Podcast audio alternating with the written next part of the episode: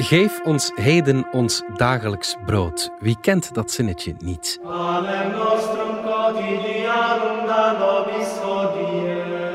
Maar ons dagelijks brood heeft een prijs. En die prijs die stijgt door de oorlog in Oekraïne. Brood staat in het lijstje van de belangrijkste prijsstijgingen van de maand juni. Maar we eten er geen brood minder om. Die broodprijs heeft weinig impact op ons koopgedrag. Nochtans kost ons dagelijks brood ons steeds minder, zegt historicus Peter Scholiers. De broodprijs speelt wel een historische rol in revoluties en oorlogen. Dat weet elke machthebber en dus ook Vladimir Poetin. This is a real war crime. Brood maakt deel uit van ons leven en daarom zijn we ervan afhankelijk. Het is maandag 4 juli. Ik ben Alexander Lippenveld en dit is vandaag de dagelijkse podcast van de Standaard.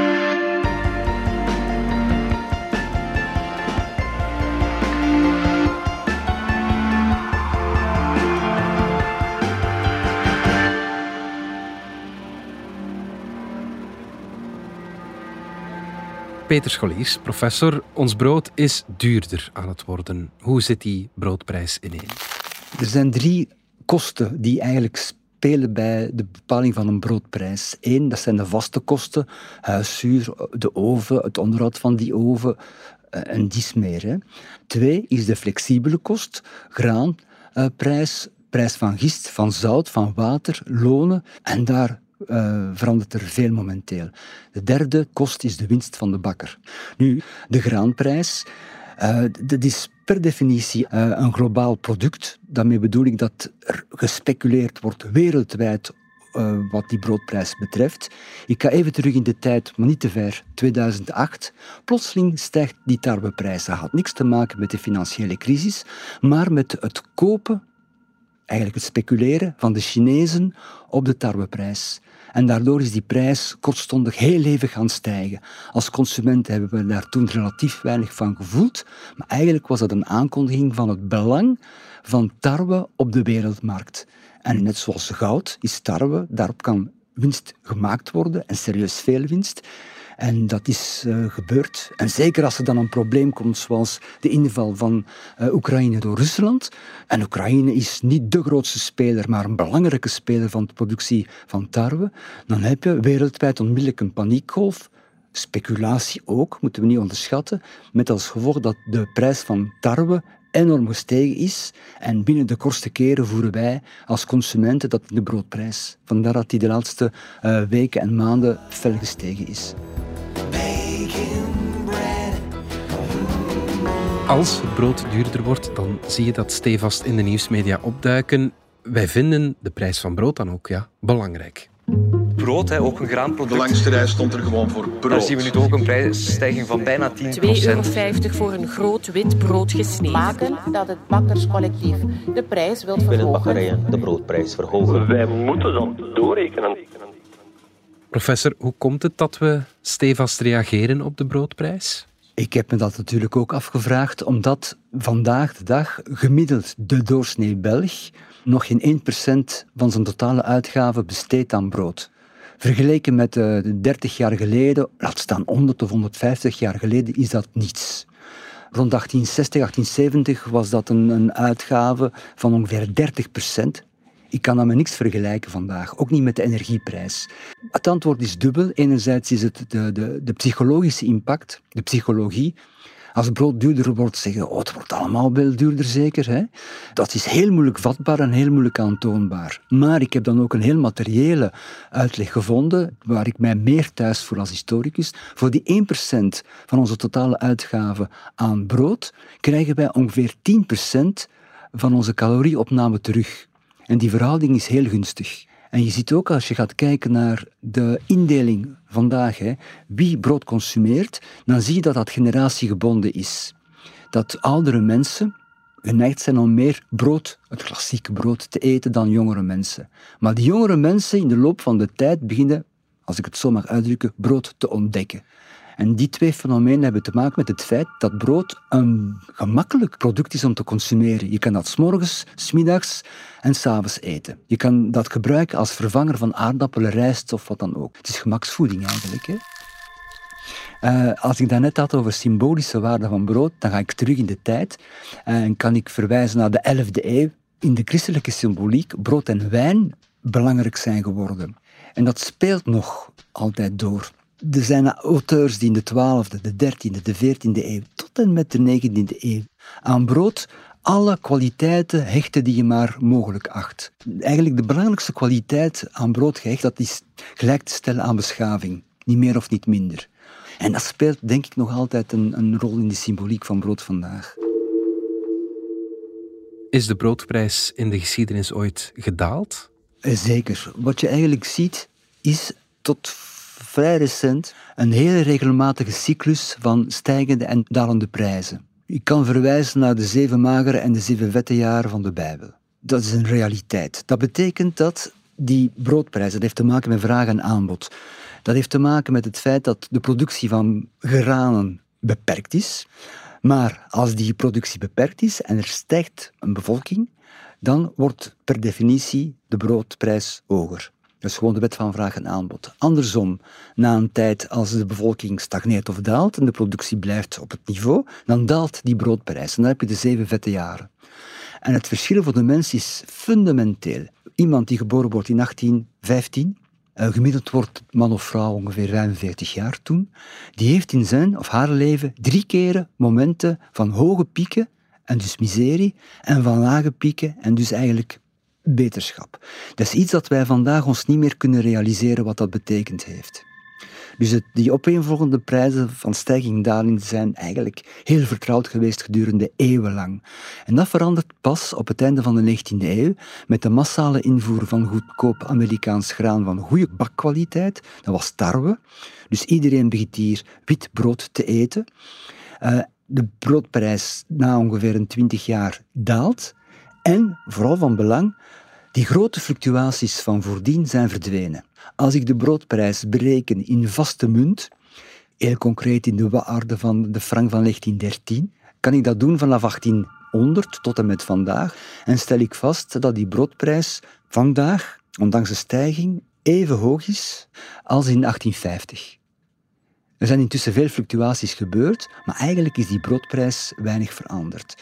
Dat is merkwaardig.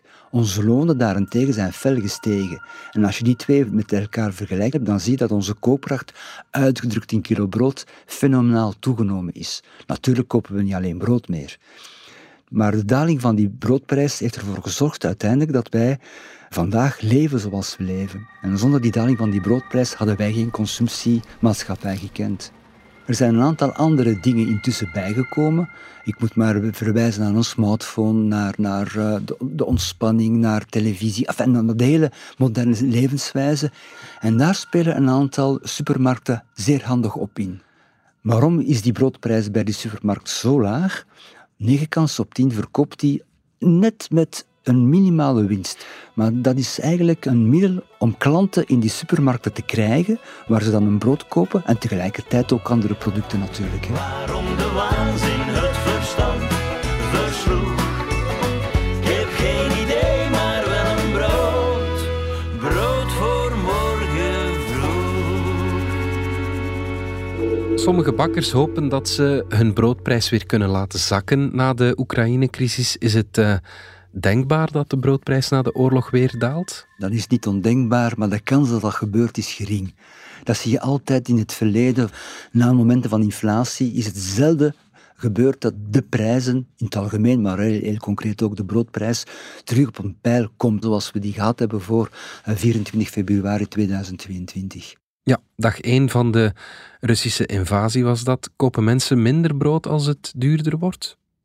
Nee, voor zover ik dat kan zien, hè, die broodprijs heeft weinig impact op ons koopgedrag omdat de consumptie van brood zodanig een basisbehoefte is dat de mensen verplicht zijn of denken te zijn uh, van brood te moeten kopen. Er is momenteel nog geen verdubbeling van die broodprijs. Dat is wat anders. Als die broodprijs plotseling zou verder stijgen, ja, dan zal het kunnen een, een verschuiving zijn in ons gedrag. Als er een dalende trend is van broodconsumptie, heeft dat niks te maken met die broodprijs. Dat heeft te maken met vervangproducten, met, met de verbreding van onze voedingsgewoonten, maar niet zozeer met die broodprijs. Ja, brood is uh, belangrijk voor mij. Ik denk dat de smaak is wat ik vind uh, de meest belangrijk. Ik ga ook elke weekend naar uh, de bakkerij voor echt vers brood te kopen. ik wel eet elke dag brood. Ik maak boterhammen voor mijn werk, dat ik eet voor lunch. Ik eet dagelijks uh, brood. Ik vind het uh, de belangrijkste maaltijd van de dag vind ik nog altijd, ik ben redelijk klassiek op dat vlak, is het ontbijt.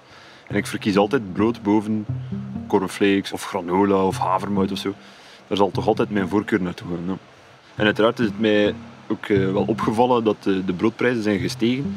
Maar ik vind het belangrijk om kwaliteit in huis te hebben, ook op vlak van, de, van eten. Dus dan heb ik altijd liever van iets meer geld te geven aan een goed brood dan aan, uh, bij wijze van spreken, een uh, klein rechthoekje wit brood. Dat zal bij mij niet snel in huis komen. Dus voor mij maakt dat ook niet zo heel veel uit. Ik spendeer daar dan graag de extra 20 cent aan, bij wijze van spreken. Zelden zal ik brood kopen in de supermarkt, alhoewel ik denk dat het de kwaliteitsverschil zal miniem zijn. Maar ik koop het toch liever ehm, bij een warme bakker of bij een buurtsupermarkt, waar ik ook weet waar het brood vandaan komt. Mijn man is echt een broodliefhebber, maar ik eet brood, maar hij eet veel liever brood, ik eet liever warm eten. ja. Er zijn zoveel soorten. Ik neem eens volkoren, ik neem eens grof, ik neem meer granen, ik neem een mayo. Ik neem, ik, allez ja, maïsbrood, ik neem eigenlijk, uh, ik wissel graag af. Ja. Ik zal geen brood weggooien. Ik zal proberen van zoveel allez, op te eten of anders nog te verwerken of zo in verloren brood of uh, dat wel. Of aan de dieren geven, aan kippen of zo. Voor kippen is het eigenlijk niet zo goed, maar ik ga wel, allez, ik ga wel zorgen dat ik het uh, niet weggooi. Tot juli 2004 legde onze Belgische overheid de maximale broodprijs vast, sindsdien niet meer. Waarom vond de overheid ja, dat een maximale broodprijs moest bepalen? Ik vind dat een fantastisch verhaal, eh, wat België ook tamelijk uniek maakt, want dit land was het laatste land van Europa waar de overheid de maximumprijs van brood bepaalde. Waarom is dat? In 1947 heeft de regering een bijzondere sociale maatregel getroffen door een maximumprijs in te stellen en tegelijkertijd de graanhandel, niet de bakkers, maar de graanhandel, gigantisch te subsidiëren. Maar werkelijk met, met miljoenen en miljoenen frank. Met het idee dat de Belgische bevolking genoeg geleden had en honger afgezien had tijdens de oorlog en nu die broodprijs moest uh, laag gehouden worden om de mensen toe te laten om genoeg te eten en ook andere uitgaven te doen naast voeding en naast brood om terug een normaler leven te leiden. Dan zijn er verschillende momenten geweest in de loop van de jaren 50, van de jaren 60, de jaren 70, de jaren 80, de jaren 90 en de jaren 2000 om te pleiten voor de afschaffing van die maximumprijs. En de argumenten zijn altijd heel stevig geweest. Zeker vanaf de jaren 70 dat de Pakkersfederatie en andere lobbygroepen gezegd hebben wat is de zin van die maximumprijs? Waarom wordt dat bewaard? En je kan dat nalezen in de parlementaire handelingen, waar de ministers van Landbouw of van Handel zeggen: ja, maar we moeten die broodprijs in het oog houden. De mensen verwachten dat van ons. Eh, tot in begin 2000 er een heel stevige lobby is en de regering, en vooral de liberale partij van toen, er stilaan van overtuigd is om die broodprijs en die maximumprijs eindelijk los te laten. Eigenlijk was die discussie totaal achterhaald. Want de broodprijs had betrekking op enkele soorten brood, terwijl een bakker intussen zijn winst haalde uit allerlei andere producten. Het is louter symbolisch. Dus toen dan in 2004 voorgesteld wordt om de maximumprijs af te schaffen, was quasi iedereen het onmiddellijk over eens. Die broodprijs is niet fenomenaal gestegen. Hij is gestegen hoor, een klein beetje. Maar wat interessant is, is dat die broodprijs vooral steeg bij de kleine bakker. Die zei, eindelijk kan ik mijn broodprijs terug en mijn winstmarge terug hebben. Maar, en dat is van groot belang, niet bij de supermarkt. En die supermarkt heeft toen een, mogelijkheid gezien om, om het aandeel eh, van verkoop van brood in supermarkten fel te zien uh, stijgen. Als er veel goedkoper is, met een bakker. En het scheelt 50 cent per keer. Ik kom twee keer in de week hier. En dan nog een euro weg en half heb ik drie brood voor hier. Dat is voor mijn bakker twee. Ik eet alle dagen het brood met kaas, ham, rawesp, uh, lookworst, droge worst of bedenk pikkelaring. You take flour and water and make your dough. Knead it well, let it rise up slow. Put it in the oven like a baby in bed. That's the way to be baking bread. Uh, ik denk dat het in 2018 of 2019 was dat de verkoop voor de eerste keer in de Belgische geschiedenis in de supermarkten groter was dan in de andere sectoren. En dat was toen 51 procent.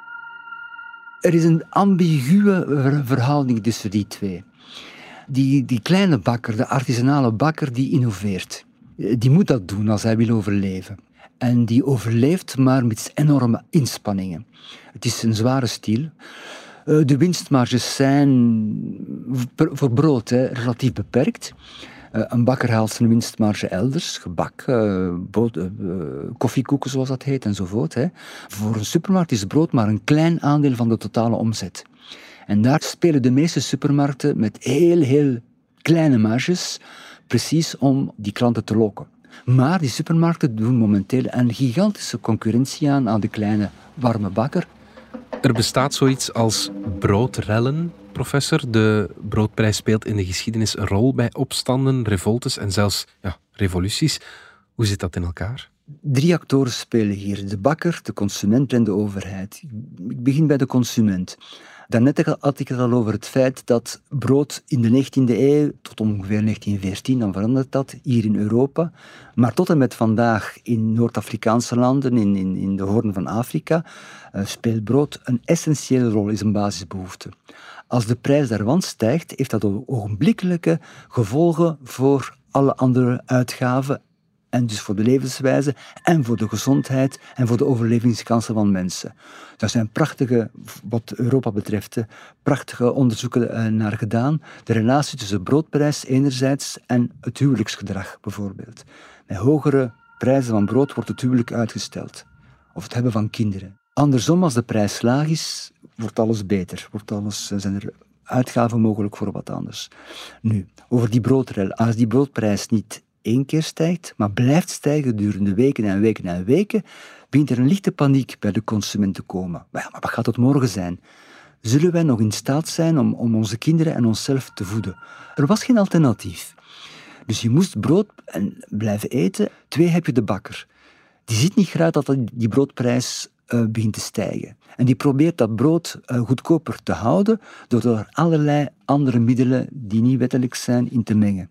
Dus 19e eeuw, maar dat heb je vandaag in Noord-Afrikaanse landen nog altijd. Met de bedoeling van die prijs te drukken. Dat lukt maar een tijdje. Dat lukt geen weken na elkaar. Die handelaar ziet dat het volk begint te morren. Die zegt, het ben ik niet, het is de molenaar. Want ik moet mijn prijs aan hem, eh, voor mijn mail aan hem geven. De molenaar zegt, ben ik niet. Het is de groothandelaar. En die groothandelaar zegt, ja, maar het is overzees of het is de invoerder. Dus iedereen speelt die kaart door. Uiteindelijk komt dat terecht bij de overheid. Die niet graag heeft, niet in het verleden, maar ook niet vandaag, dat die broodprijs blijft stijgen, want dat is potentieel gevaarlijk. Om twee redenen. Eén, de kwaliteit van het brood verslecht. Uh, er zit van alles in. De consument wordt ontevreden wegens de kwaliteit. En twee, vooral, de prijs van dat brood blijft stijgen, de koper daalt en het volk begint te morren. En dan volstaat het. Dat er een kleine vonk komt of de boel ontploft. En dat hebben we hier meegemaakt in België in de jaren 1845, 46, 47, nog een keer in de jaren 1853, 54, 55 zelfs, en nog ook in de jaren 1860. En dan maken heel veel landen mee, de, de Arabische lente, ook 2010, 2011. Vandaag ongetwijfeld, ik heb geen glazen bol, maar ongetwijfeld gaan er voedselrellen zijn in landen als Sudan, Ethiopië, eh, zelfs Kenia. Dus de consument wordt woedend, richt zich tegen die bakkers en dan uiteindelijk ook tegen de overheid. En de overheid heeft een, een panische angst voor zo'n broodrel. En die broodrellen hebben in het verleden bewezen dat ze effectief kunnen leiden tot niet alleen revoltes en onvrede, maar grote politieke omwentelingen. De 14 juli van het jaar 1789 is de duurste dag van de duurste maand van het duurste jaar, in decennia, en dat is de bestorming van de Bastille. De Russische revolutie heeft ook te maken met heel veel problemen van bevoorrading, en dat gaat over tarwe. De oorlog in Oekraïne heeft ook heel veel te maken met tarwe en eh, het voorzien van, van Moskou, om dat beeld te gebruiken, van voldoende eten aan betaalbare prijzen. En dat is telkens de overheid die, die angst heeft voor die broodrellen, omdat die overheid weet dat er van alles kan gebeuren als die broodprijs hoog blijft. We gaan er even uit voor een korte boodschap. Hé, hey, luisteraar. Ik wil u niet storen hoor. Nee, integendeel. Ik wil gewoon even zeggen dat ik heel blij ben dat jij een momentje voor jezelf neemt. Ma, ik ben thuis hè. Het leven is al druk genoeg soms. Wat gaan we eten? Ja, schatje, ik kom ze bied. Ik moet eerst nog even iets afwerken. Oké. Zeg, iedereen verdient een momentje voor zichzelf. En net zoals dat jij van je podcast geniet, geniet ik om even verder te werken aan mijn Lego-bouwwerk. Misschien ook iets voor jou? Zoek even op Lego-sets voor volwassenen. Professor Scholiers, terug naar uh, het brood. Dat brood zo belangrijk blijft voor veel mensen, maakt dat we er ja, afhankelijk van zijn. En afhankelijkheid kan gebruikt worden door machthebbers. Zien we daar voorbeelden van in de geschiedenis? Heel veel oorlogen in het verleden en het heden, helaas, draaien om bevoorrading van voedsel en granen. De oorlog uh, tussen uh, Oekraïne en, Rusland, daar speelt ook de bevoorrading een rol. Je kan niet gaan zeggen dat dat de fundamentele reden is, maar als je kijkt naar het verleden, is er altijd een, een strijd geweest uh, rond het graan van Oekraïne. België voert niet zo heel veel graan in van Oekraïne. Wij voeren veel graan van Frankrijk en Duitsland. We hebben ook eigen productie, niet zoveel, maar goed. The problem comes from the Russian blockade of the Ukrainian grain. Millions of tons of wheat is being blocked. And millions of people will not be able to eat this wheat. This is a real war crime. We hoorden Josep Borrell, de hoge vertegenwoordiger voor buitenlands beleid van de Europese Unie, de graanblokkade in Oekraïne zonder meer een oorlogsmisdaad noemen. Poetin zet daar dus duidelijk uh, graan voor de broodproductie in als oorlogswapen. Hè? Ongetwijfeld zonder meer. En hij weet dat heel goed en hij is daarin schaamteloos, zouden wij zeggen, maar hij zal dat waarschijnlijk een hele goede strategie vinden, want uh, hij niet alleen, maar zijn voorgangers in de Sovjet-Unie, maar ook in het Russische keizerrijk hebben dat ook toegepast. Dus hij, hij is geen innovator, hij doet gewoon wat, wat al eerder gedaan werd. Goed, professor Peter Scholiers, dankjewel. Dit was vandaag de dagelijkse podcast van de Standaard. Bedankt voor het luisteren. Download onze app DS Podcast of volg ons op Spotify, Apple Podcast of eender welk ander podcastplatform. Alle credits van de podcast die je net hoorde vind je op standaard.be-podcast. Reageren kan via podcast.standaard.be. Morgen zijn we opnieuw.